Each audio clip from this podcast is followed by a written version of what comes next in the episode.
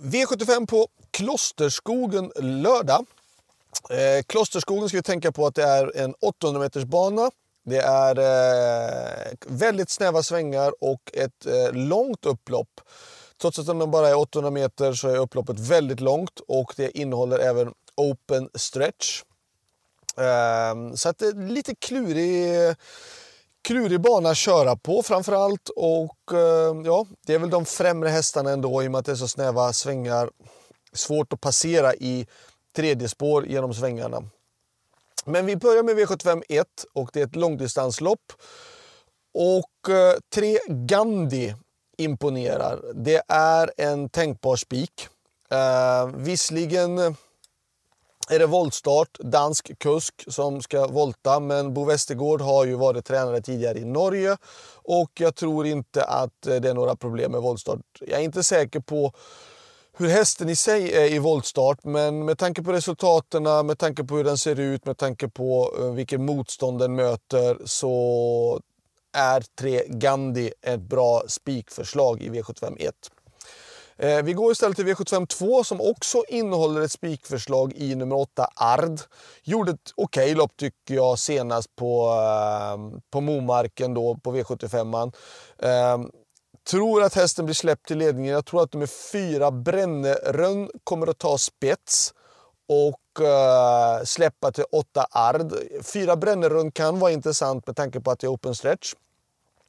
Eh, men vill man ha flera hästar då är nummer 7 Horgenlynet intressant också och 10 Grisletore GL. Eh, så 8 Ard solklar rank, eh, rankas solklart etta i loppet. Där bakom då utan inbördes ranking skulle jag säga ändå 4, 4, 7 och 10. V75 3. utgångshästar 5 Frasse och 6 Patrik Palema.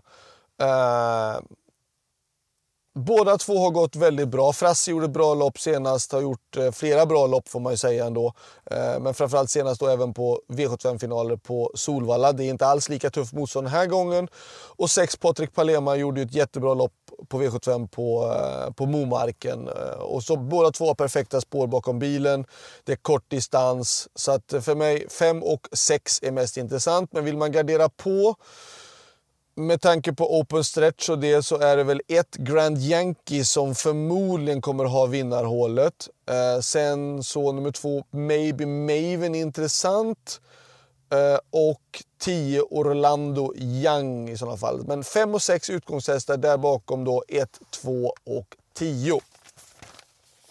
V75 4, kallblodslopp. 7 Tangenborg ska rankas etta.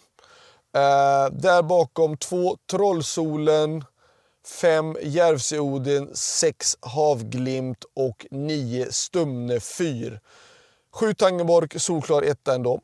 Eh, V75 5 går vi till istället.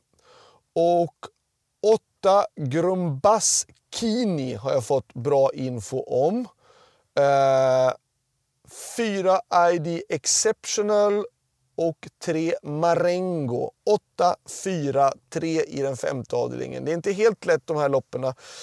Eh, visserligen är det ju hästar som man har sett en del innan men ändå, det är inte helt lätt att tippa de här utländska hästarna. Men jag har fått god hjälp av Öyvind Grösta som jag anser som en av Norges absolut bästa tippare.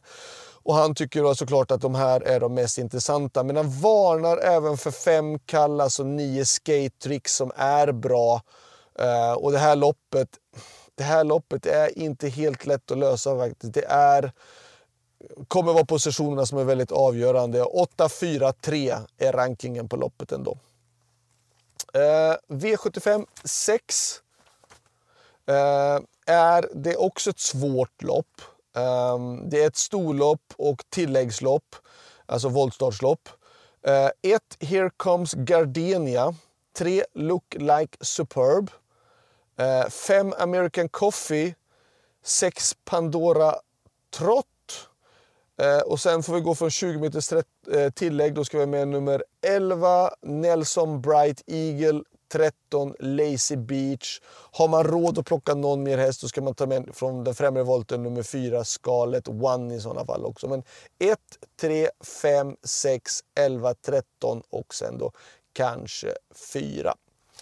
Sista V75-avdelningen och det är Klosterskogen Grand Prix.